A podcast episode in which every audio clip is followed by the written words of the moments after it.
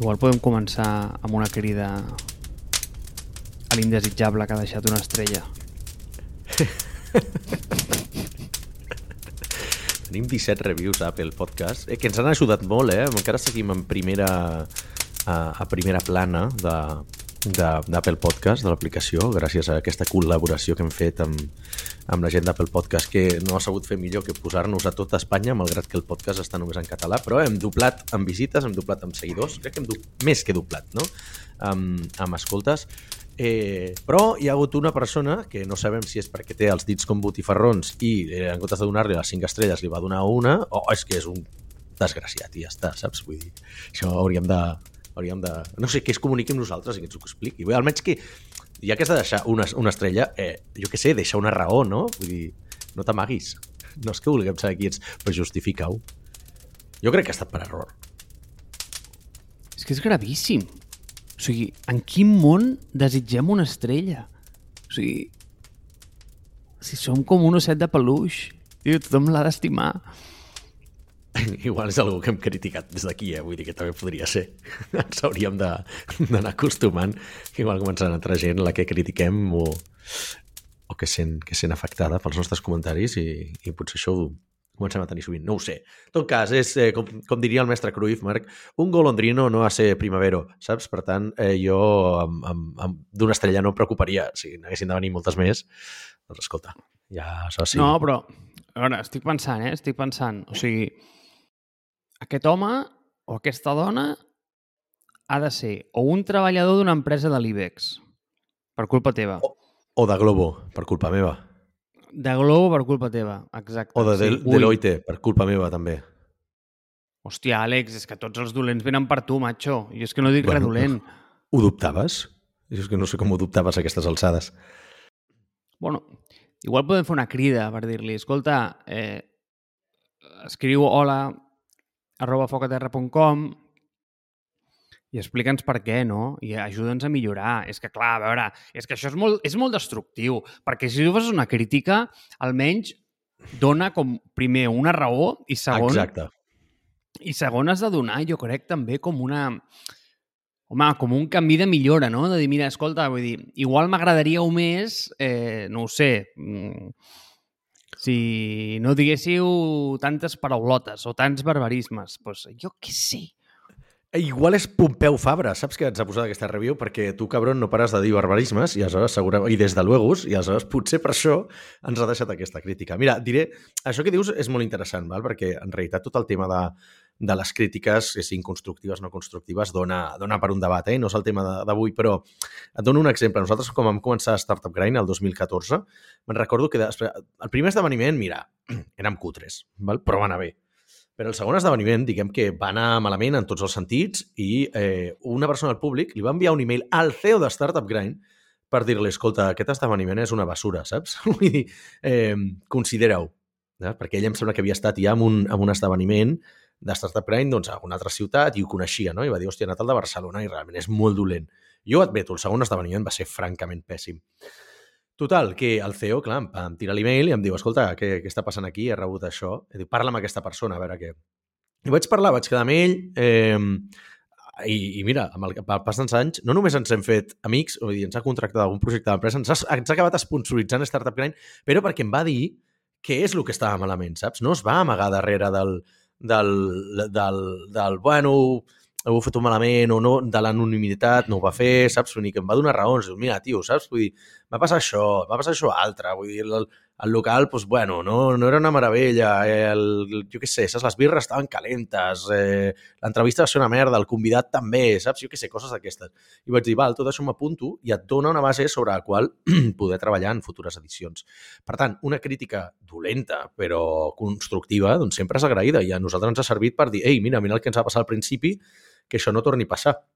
I no ha tornat a passar i ara, doncs, joder, tenim un, un esdeveniment de puta mare, però eh, aquell toc d'atenció en el segon esdeveniment ens va ajudar a accelerar la nostra millora. Per tant, aquí convidem aquesta persona que, que ens digui els seus motius i què és el que podem millorar. I si ha estat un error, doncs collons. O sigui, no sé, reviseu tots i totes la nota que heu deixat. No sigui que algú que es pensi que ha deixat cinc estrelles n'ha deixat una per error.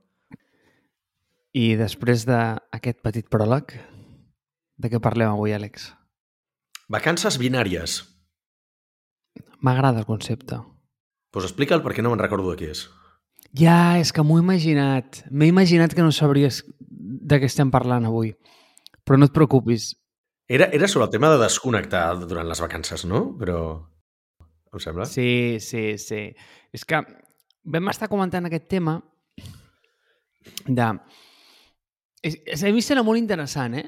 Perquè el concepte de vacances és una idea que en aquest món modern i en aquesta economia de la informació penso que no acaba d'encaixar. T'explico el per què, ¿vale? Mira, és a dir, crec que estan mal plantejades. Fixa't. Abans, quan vivíem en un món rural i igual pastàvem cabres o, no ho sé, o llauràvem els camps, què passa? Que tu començaves a llaurar el camp a les 8 del matí perquè sortia el sol, acabaves quan fos perquè s'anava el sol i quan tornaves a casa, què passava? Joder, que no hi havia res més que fer. Saps? No podies treballar. El blat no et perseguia a casa. O, o no venia el blat a casa i et deia ei, eh, ha passat això o hi ha aquest problema, saps? Vull dir, no, tio, arribaves a casa i què foties? Doncs, pues, bueno, pues, mm, pues, collons, estar amb la família, eh, cuinar, llegir eh, o feies el que volies. Però, en realitat, la, la jornada laboral estava limitada pel fet de que, és que a les 12 de la nit al camp no hi havia res que fer. Vale? Llavors, això és important. Val? Llavors, què passa ara?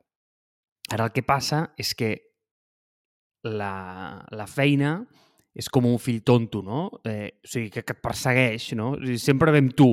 És a dir, eh, eh, portes una cosa que és un mòbil i si no ets una espècie de, eh, no ho sé, de monjo budista, quasi, quasi com jo, que no li notifica res, a les 12 de la nit t'arriba un correu, el contestes, o sigui, mai, mai acabes de desconnectar. És a dir, la feina i tu formeu part com d'una cosa, no? Llavors, sobre el tema de les vacances binàries, a què, a què em referia? Jo penso que aquest concepte dels 21 dies o 24, o no sé quants dies són, no sé quants toquen, és absolutament anacrònic, no? I, i, i t'explico per què. O, o almenys, potser no és anacrònic, però a mi no em funciona bé. I t'explico per què no em funciona. O sigui, a mi desconnectar no m'acaba d'agradar, val? perquè al final, ostres, eh, la meva vida personal i la meva feina estan, diguem, bastant lligades. És a dir, van una mica de la mà. Val? No veig una distinció molt clara de, mira, ara el Marc està descansant o ara el Marc està treballant. Val? Llavors, què passa?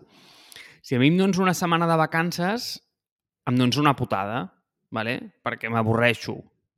Perquè dius, ostres, eh, i dius, hòstia, Marc, tens una vida de merda que no ets capaç de fer res fora de la feina? No, no, no és això.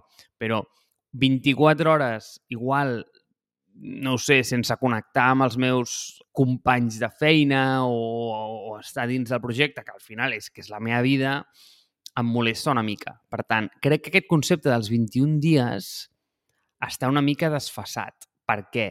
Perquè a mi al final el que em va bé... Jo penso que estic cada dia de vacances. Llavors, igual sóc un tio bastant incompetent, no? I, pel, I no sé, i no estic com sempre dedicat. Ara, per exemple, doncs són les 11 i 17 del matí d'un divendres i estic gravant foc a terra, que això no és la meva feina, val? I quan dic feina, Correcte. dic mm -hmm.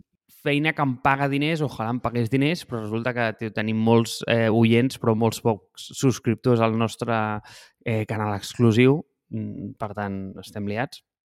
Llavors, eh, si hem de viure d'això, mm, crec que ens dona 57 cèntims al mes, per tant, crec que no ens donaria per gaire. Llavors... no, eh, no, sou, no, no, no, no, no, no, crec que no ens pagaria un sou. Llavors, clar, què passa? Que, hòstia, el tema aquest dels 21 dies per mi no té molt sentit, perquè dius, hòstia, els, els has de gastar. Hòstia, quina putada. No, per mi cada dia és vacances. Llavors, per mi cada dia és, mira, puc fer una miqueta d'això, però quan em canso, doncs faig l'altre. Llavors, quan estic de vacances, és a dir, que dic, va, off, eh, el Marc està fora. Doncs, tio, igual, jo què sé, si me'n vaig eh, a la muntanya, doncs igual faig una excursió pel matí, però quan torno per la tarda, Mira, però saps què et dic? Estic per casa, estic cansat, eh, igual em ve de gust obrir l'ordinador, igual em ve de gust treballar. Llavors, clar, em dius, hòstia, és que tu mai desconnectes. No, és que... És que igual aquí hi ha alguna eh, Àlex? És que igual el concepte de les, dels dies de vacances ja no aplica, eh? I, I realment hem de trobar una altra manera amb aquesta nova economia de, de generar el descans i la pau. No sé, tu què en penses? Tu, tu desconnectes, eh, macho? Jo desconnecto i desconnecto molt, i sempre ho he fet. Um, mai, o sigui, jo sempre, i a més, jo dic que desconnecto quan s'acaba la feina. És a dir, jo sí que quan plego a les 6 de la tarda, o a les 5 o a les 7, depèn del dia, eh? desconnecto i fins al dia següent ja m'has vist prou, saps? Vull dir, ja pot haver-hi alguna... A veure, si és alguna cosa molt, molt, molt urgent, però no sé, és que amb els meus socis, amb els socis tenim molt clar que les hores de descans són de descans. I, o sigui, o s'està cremant l'oficina que no tenim, saps? És que crec que no hem tingut mai cap urgència allò de dir, vinga, va, saps? Eh, hem, de, hem de treballar fora d'hores. Per tant, això ho respectem molt. Per tant, jo ja no visc en aquesta cultura. Ho he patit en empreses anteriors, on et trucaven fora d'hores, on, saps? Vull dir, on t'enviaven correus del pal, hòstia, doncs, aquest cap de setmana doncs, hauràs de currar, has de fer guàrdies, jo què sé. I, I de la mateixa manera, quan faig vacances, faig vacances. O sigui, jo sóc d'aquestes persones que quan torna de vacances s'ha oblidat del password de l'ordinador, saps? Vull dir, i, bueno, mira, eh, ara que he estat un mes fora, me'n recordo que vaig tornar de Califòrnia em vaig oblidar del, del codi de, de casa, saps? Per entrar a casa. I és que realment li vaig haver de preguntar a la meva parella escolta, quin era el codi de baix de la porta que se m'ha oblidat, saps? Eh, sóc aquesta persona, desconnecto molt fort. Suposo que, que això em fa que necessiti també menys vacances, però jo les faig servir, o sigui, perquè jo crec que és més una impressió el fet de que no necessites vacances que no pas que no les necessitis, o sigui, no pas una realitat, no? Eh, evidentment, tots hem passat per aquella fase d'enamorament amb les feines. A més, tu ara últimament has canviat sovint de feina, amb la qual no arribes probablement al punt de cremat de, de la feina que dius, hòstia, necessito mínim tres setmanes de vacances, perquè jo també crec que menys de tres setmanes no desconnectes. O sigui, aleshores, clar, eh, tu si et fixes que vas sortir d'Ironhack, has parat per bé, saps? Has canviat de feina més sovint i potser no has arribat a cremar-te tant i tornes a reenamorar-te d'una altra feina i, i, i tothom ho sap, els dos primers anys d'una feina, si t'agrada molt, no faries vacances, saps? Si, si tot va bé, estàs molt motivat, tens molt creixement, més en fases inicials de projectes, potser no necessites tant. A la que ja portes molt de temps, doncs, home, desgasten altres tipus de coses, no? Nosaltres portem 9 anys ja i, la veritat, diversos cops ha arribat, no diré cremat, perquè no, no, no deixem que ens cremem a la feina, però sí que molt carregat, no? Carregat ja sigui per estrès, per presa de decisions, per, per, bueno, per, per tipologia de feina que fem, no? Aleshores, dit això, eh, crec que té molt a veure amb el tipus de, de, de feina que fas, però, sobretot, sobretot, jo crec que la gent no està... O sigui, també ha comprat la narrativa aquesta de dir no, no, jo no necessito vacances, o jo en una setmana o dues en tinc suficient. No és veritat. Jo crec que no és veritat. Eh, segur que hi ha estudis d'això, de moment cunyat, val? Però, però jo ho noto, per exemple, a mi, eh? Al cap em fa un clic la tercera setmana. O sigui, jo quan porto dues setmanes de desconnexió, les dues primeres setmanes encara estic amb, no penso en feina, però és veritat que igual algú em pregunta per la feina i, i bueno, saps? Vull dir, vols que no certes coses et tornen al cap. I et veus amb uns amics i dius, hòstia, i març més què tal, no? I tal, i el podcast. I ja ho tens top of the mind. Però és veritat que arriba un moment, la tercera setmana, que jo noto que del cervell s'ha manat completament, saps? Se m'oblida què faig de feina. Sigui, ja no tinc ni tentacions aquelles de ni mirar el Twitter ni coses d'aquestes, no? I a partir de la quarta ja és quan dic, mm, ja he de tornar. Ja em torna la motivació aquella de dir, ja m'estic avorrint de les vacances. Però si no t'arribes a cansar de les vacances, dubto molt que hagis recuperat o recarregat les bateries per poder tornar a la feina. Aleshores, jo això ho tinc clar. O sigui, sí? O sigui, quan és l'última vegada que tu vas fer més de dues setmanes seguides de vacances, tio? Sense fer res de feina, eh? No ho he fet mai a la vida. Clar, és que no ho has fet mai a la vida, per tant no pots saber... O sigui, que no estàs qualificat per poder parlar d'aquest tema, saps? és com si a mi em preguntes per què és ser un jugador... Com, com et recuperes de, de ser jugador de futbol professional entre setmana? No ho sé, tio, és que no ho he estat mai, saps? He estat, he estat amateur, però no he estat professional. Per tant, no estàs qualificat per parlar d'això si no ho has fet. O sigui, no ho has experimentat. Eh, és com si... Mira, un, un exemple. Tinc una molt bona amiga que portava molts, molts anys a Deloitte i sempre deia, hòstia, vull deixar Deloitte, vull deixar Deloitte, però no deixava mai Deloitte, no? I tampoc feia gaires vacances, feia una setmana, dues, bueno, el, que t'obligaven, però els feien períodes curts. I me'n recordo que va coincidir un any que va, va, agafar vacances i després eh, també la, diguem, la, la baixa pel permís de, no sé com es diu, permís de matrimoni, o sigui, es va casar, no? I van palmar les tres setmanes de vacances o quatre amb les dues d'haver-se casat. I enmig d'aquest període va donar els 15 dies del pal. Hòstia, s'hi desconnectat tant que realment he vist que no volia estar aquí, no?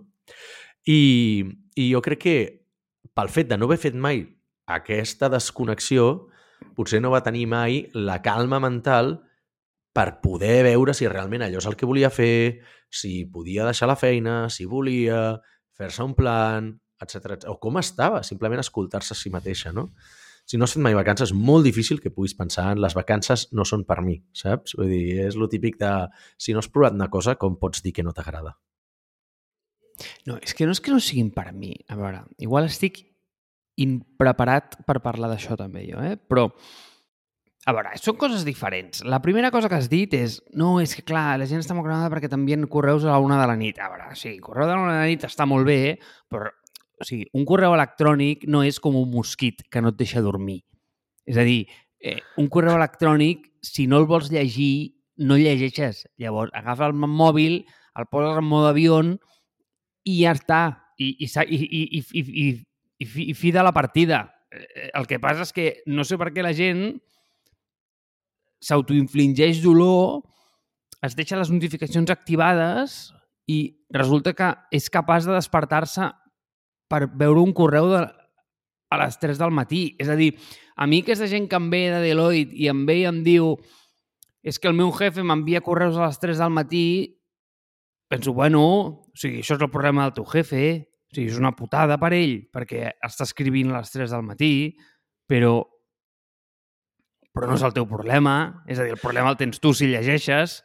I, llavors, jo entenc que portant una mala vida d'aquestes eh, estiguis hasta els ous i te'n vulguis anar a no ho sé, a, a un desert enmig de nevada eh, a, a no veure absolutament res més que cactus i escorpins. Però, a veure, si tens una vida bastant balancejada i ets capaç... És que jo penso que, Àlex, tio, mira, o sigui, Tu tens vida de retirat, tu, tu tens vida d'haver fet molta pasta perquè vas vendre una startup i ara ja treballo en els projectes que vull, perquè el primer probablement no és veritat, però el segon sí, tu treballes en els projectes que tu vols, aleshores tu t'empares en la filosofia aquesta de si estimes el que fas, mai necessitaràs vacances, no? Si estimes la teva feina o t'apassiona la teva feina, mai necessitaràs vacances perquè no sembla feina, no? Jo crec que conceptualment és una cosa molt equivocada, val? perquè no ho sé, no és artesania. O sigui, al final estàs treballant per, pro, per, per profit d'algú, per benefici d'algú i no pas per, per amor a l'art. Per tant, permet-me desclarificar això una mica. Vale, o sigui, t'ho compro, però el tema del work-life balance aquest és bullshit. O sigui, cadascú el work-life balance se'l fa com li surt de les boles si a tu et funciona treballar de 9 a 5 i, i a les 5 anar-te'n a fer birres, ok, work-life balance per tu. Si a tu et funciona eh, estar treballant entre cometes tot el dia però portar una cadència més relaxada i dir, mira, escolta, jo només treballo amb el que m'agrada mm, i si ara pel matí vull gravar un podcast bé, però si a les 12 vull sortir a córrer també bé, o sigui, és ok. Llavors, no sé, el que passa és que hi ha com aquesta narrativa de no, és que s'ha de balancejar el treball i la feina, això és superimportant. Tio, això és una puta merda. O sigui, és que ens tracta tothom com si fóssim iguals. Llavors, no, tio, igual hi ha gent que pues això, mm, li funciona més el fet d'estar treballant més hores, però amb una cadència més pausada. I aquest és el meu cas. Jo penso que no sóc un element extremadament productiu, eh? Però sóc un tio que sempre està allà, saps? A veure, sempre està allà dintre d'unes hores, no? És a dir, a mi, mentre em respectis que de, de 10 a 6 eh, el nen està dormint i eh, a mi, si m'envies un correu a les 3 del matí, ho sento molt, però mm, es veurà pues, pues, el dia següent. Vull dir, el meu mòbil no dorm amb mi. El meu mòbil dorm a una distància prudencial perquè sé que és un element extremadament perniciós llavors un el té que apartar una mica de, dels hàbits que, que vol, que vol nutrir. Llavors, a veure, Àlex, igual em falten unes vacances, eh? És probable. Mira, et posaré un exemple. Vols un exemple real o no? Sí, com va anar per Formentera? Vale, molt bé. M'alegro que em facis aquesta pregunta, perquè just aquesta setmana...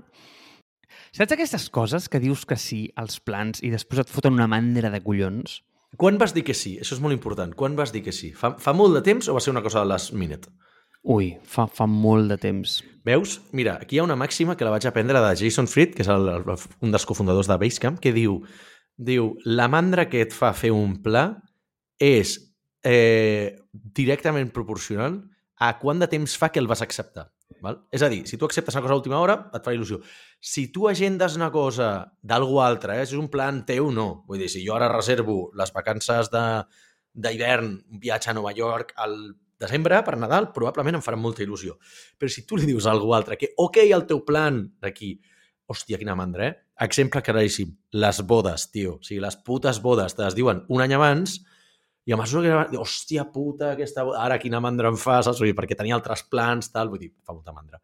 bueno, com va anar per Formentera?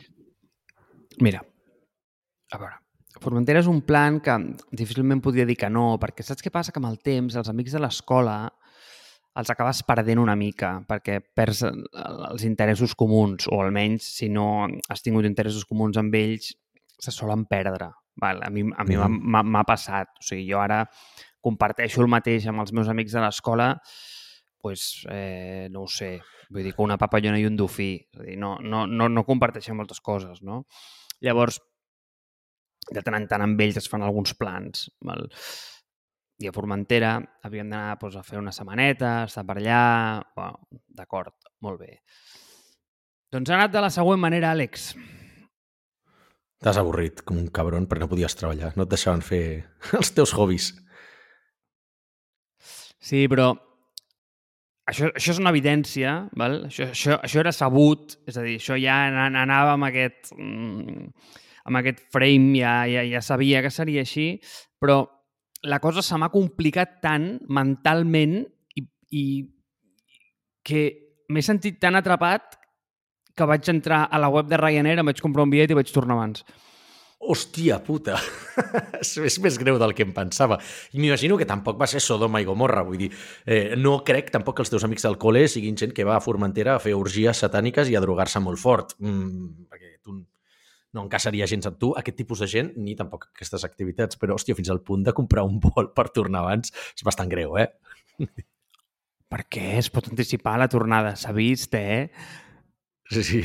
sí, clar, del punt de vista que tu ho has fet, però el Diego està, és que estaves patint molt. Bueno, pot ser que t'estiguessis agobiant, vull dir, això també és completament lícit. Però m'encaixa, m'encaixa amb tu. Hòstia, és que també he descobert una cosa, eh? A part de que, uh, Formentera està sobrevalorada, Formentera és una puta merda, vale? Eh, eh, Aquesta... eh, que jo, jo vaig a Formentera la setmana que ve i no, no és veritat. És el millor lloc del planeta si no fos perquè està plena d'italians. Vale, bona, no sé com ho sabies, però eh, eh corroboro, està plena d'italians. Formentera només té una cosa bona que no hi ha internet bo, per exemple, i aleshores no et permet, no et permet estar connectat en el món. Té, varias, té moltes coses bones, però bueno, va, digues. Va, que vull arribar al meu punt, jo. Ah, vale. La única cosa bona que té Formentera és que un cop has passat una setmana allà, et donarà la sensació que Barcelona és barata. Sí, bueno, eh, no pots passar més d'una no pots passar més d'una setmana a Formentera. Jo crec que no existeix Formentera eh, més d'una setmana.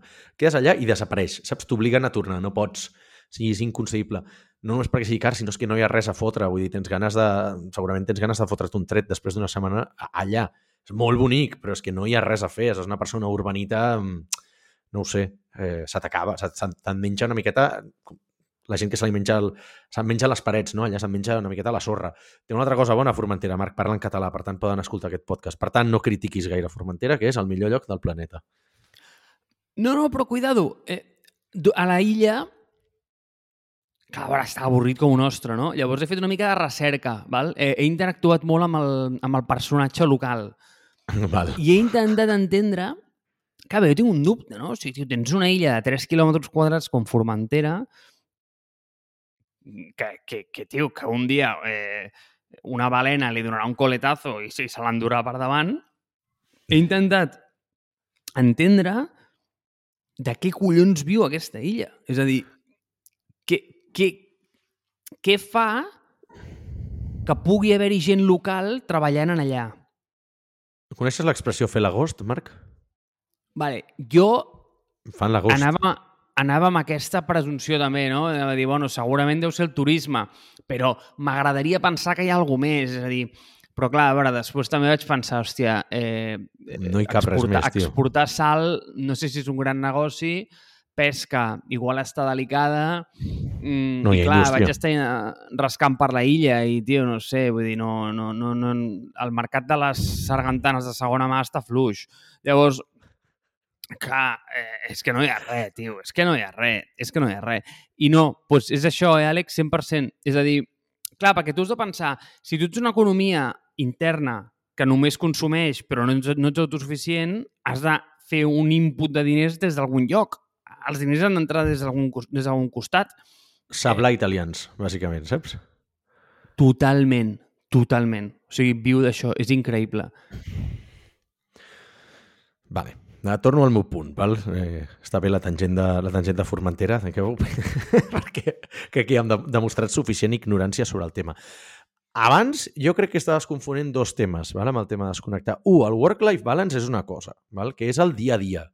I el dia a dia, jo he experimentat les dues coses. Val? Quan jo vivia sol i solter i, i estava en los mundos de Yupi, jo feia com tu en aquest sentit, no? que era el de llevo una miqueta, quan, em llevo quan em rota, treballo un parell d'horetes, o sigui, jo em llevava com a les 10 a les 11, treballava un parell d'hores, anava al gimnàs de 1 a 3, tornava a casa, eh, currava mentre dinava, després igual anava a fer alguna altra cosa, i com que el meu punt màxim d'inspiració sempre era per la nit, doncs la, diguem, la meva productivitat augmentava després de sopar, no?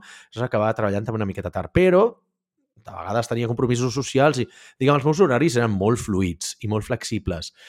I aleshores, clar, és veritat que hi havia dies que igual començava a treballar a les 10 del matí i apagar l'ordinador a la 1 de matinada, però havia fet com 3 o 4 pauses. I tu dius, vas més tranquil, vas més pausat, no has treballat tota l'estona, però d'alguna manera al cervell se't queda l'hora que has començat i l'hora que has acabat. Val? Hi ha moltes hores de distància. Val? I de vegades reconnectar els canvis de context, que sabem que són bastant malignes, costava molt. Val?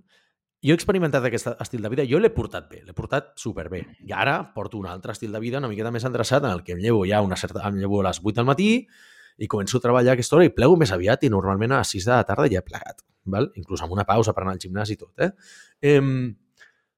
Et diré que puc fer les dues coses. Això, els dos són sostenibles si els portes bé. Val? Si tu tens endreçat i tens una rutina, són sostenibles. Però això és el work-life balance de, diguem, del dia a dia. Però hi ha una altra cosa que és les vacances pures i dures. Val? Eh, tu ets un tio que t'agrada córrer. Val? Eh, no sé si entrenes cada dia o no, però tu segurament ho notes. Pots entrenar-te en anar a córrer cada dia i el teu cos s'acostuma a córrer cada dia, però no és tan efectiu i les marques no són tan bones ni recuperes tan bé com quan corres tres vegades a la setmana i eh, fas períodes de descans. Val? Hi ha molta gent que corre cada dia. Diu, jo corro cada dia. Dic, allà tu, als 60 anys o als 40, igual ja no tindràs genolls, però, però eh, jo també ho he fet, eh, en el seu moment, d'anar a córrer cada dia i després t'adones que, que la rutina pel gimnàs, el més adequat, no és fer exercici cada dia, sinó que és segurament fer-lo bé i també tenir els períodes de descans, eh, perquè després després d'un dia de descans treballes molt millor. No? Treballes molt millor al, al, al gimnàs, a l'esport o inclús a la feina. La importància de les vacances és una altra. La importància de les vacances és la de eh, activar altres parts del cervell, saps? Relaxar-te, baixar els teus nivells d'estrès, activar altres parts del cervell, pensar creatiu, les millors històries, les millors eh, idees, estratègies que he tingut, normalment m'han vingut quan no he estat condicionat a la roda de hàmster, que és la rutina. És a dir, porto dues setmanes sense treballar, porto tres, i de cop i volta se m'il·luminava bombeta de hòstia, és que això era així, tio. Sí, similar a l'exemple de quan programes i estàs molt obstinat amb un, amb un bug que no saps resoldre, algun exercici molt difícil, te'n vas a dormir, despertes a, a, a la meitat de la nit, tinc la solució, doncs el, la funció de les vacances és exactament aquesta. És la de pensar, activar altres àrees del cervell, relaxar-se, baixar els, els nivells d'estrès i poder tornar amb moltes més ganes i poder rendir molt millor durant una temporada. Jo ho veig així i també penses molt més creatiu. Vull dir, potser és una, un exercici de, de disciplina i d'autoconeixement, eh? però, però jo sempre he valorat el tema de, de les vacances com una cosa molt positiva, no perquè vulgui no treballar, perquè després, hòstia, de vacances, doncs mira, vulguis que no, t'acabes llegint llibres de feina, per dir alguna cosa, no? T'acabes llegint algun article que tens guardat al pocket, alguna, coses de Twitter, no sé què, saps? Sempre hi ha alguna cosa que et recorda la feina però el forçar-te a no treballar fa que després tinguis com un efecte rebote que acabes tornant amb molta, molta, molta més ímpetu, saps? Jo crec que és un exercici que hauries de provar algun dia. Jo no sé tu, eh? Jo, en la puta vida, Àlex, m'ha vingut una idea a la dutxa. O sigui, jo a la dutxa, mm, vull dir, em cau l'aigua a sobre i no penso absolutament en res. És a dir, les idees m'han vingut mm, Bueno, igual caminant alguna, eh? Igual caminant m'han pogut venir alguna. Però a la dutxa, jo crec, que, jo crec que la dutxa està sobrevalorada, sincerament. No, jo a la dutxa a mi tampoc em venen idees, eh? Soc bastant pragmàtic, soc un tio ràpid. Vull dir, entro, dutxo i surto. No em dóna temps per pensar, per pensar en feina. Però, en vacances, tio... No, ja et dic, després jo en vacances també li dedico a hobbies, eh? Vull dir, no és allò que dic, hòstia, no foto absolutament res. Normalment, si vaig sol de vacances, aprofito i refaig la meva web. Però ja per mi, és el que deies tu. O sigui, o sigui, no és la feina per obligació, és quan fas coses que realment t'agraden, saps? Que seria el mateix que si anessis a, hòstia, agafo vacances i, i vaig a fer, doncs vaig a aprendre alguna cosa nova. Però, si no dic que has de desconnectar tota la tecnologia, etc etc. però jo crec que forçar-te a no pensar en la feina també ajuda a marcar-te uns límits personals que tu igual ja els tens molt clars, eh? però amb la gent amb la que treballes. Val? I que no t'escriguin cada dia i que no sàpiguen, o sigui, que sàpiguen que quan hi ha... O sigui, tu literalment mai has posat un, un out of office, no? O sigui, el, el modo vacaciones de, de Gmail o de l'Outlook i tot això no, no has activat mai, no? No sé, en la vida, i et diré una cosa, eh? Aquí sí que polèmica, eh? La gent que ho fa és que no entenc per què ho fas. O sigui, eh, què, què m'estàs enviant? O sigui, què, què és això que m'envia un correu així com dient out of office, no sé què, no estaré disponible, no sé quantos. Oh, fill, bueno, bueno pues no, no passa insisteixis. res. Sí. Vol dir, no, no insisteixis. Tu igual no treballes amb gent molt insistent, tio, però jo treballo amb gent que de vegades els hi dona... Hòstia, no has contestat avui. L'endemà també en un ping et truquen i el que, el que dèiem en algun altre episodi, intenten contactar amb tu per terra, mar i aire. I dius, no, tio, estic de vacances, és que no et contestaré fins a tal dia. O sigui, és per gestionar expectatives. Tu envies un correu en aquest any, a la segona part de les vacances, la faré del dia 29 de juny al 14 de juliol. El 29 de juny, o el 28, jo ja activo el mode vacances. Si tu envies un correu aleshores, rebràs un correu que et dirà torno de vacances el dia 14 o el 16 de juliol. Em sembla que és un cap de setmana fins aleshores no rebràs cap tipus de comunicació meva, saps? En qualsevol cas, parla amb aquesta persona o aquesta altra, si és d'un tema o d'un altre. I ja està. Però amb mi, o sigui, oblida-te'n de parlar amb mi. I ja està. Hauria d'existir el sí. mateix pel WhatsApp, eh? Mira, la gent que t'escriu un WhatsApp, òbviament tu no contestes perquè no vius pendent del WhatsApp, la teva vida és una mica més rica que un icono de color verd, ¿vale? i immediatament al cap de 3 hores et posen un interrogant... Un punt. Sí. Ahir van posar un punt. I un altre em va vale. dir pink. Un, un va fer pink i l'altre va posar un punt. Tio, més vale. passive-agressive, que això no existeix.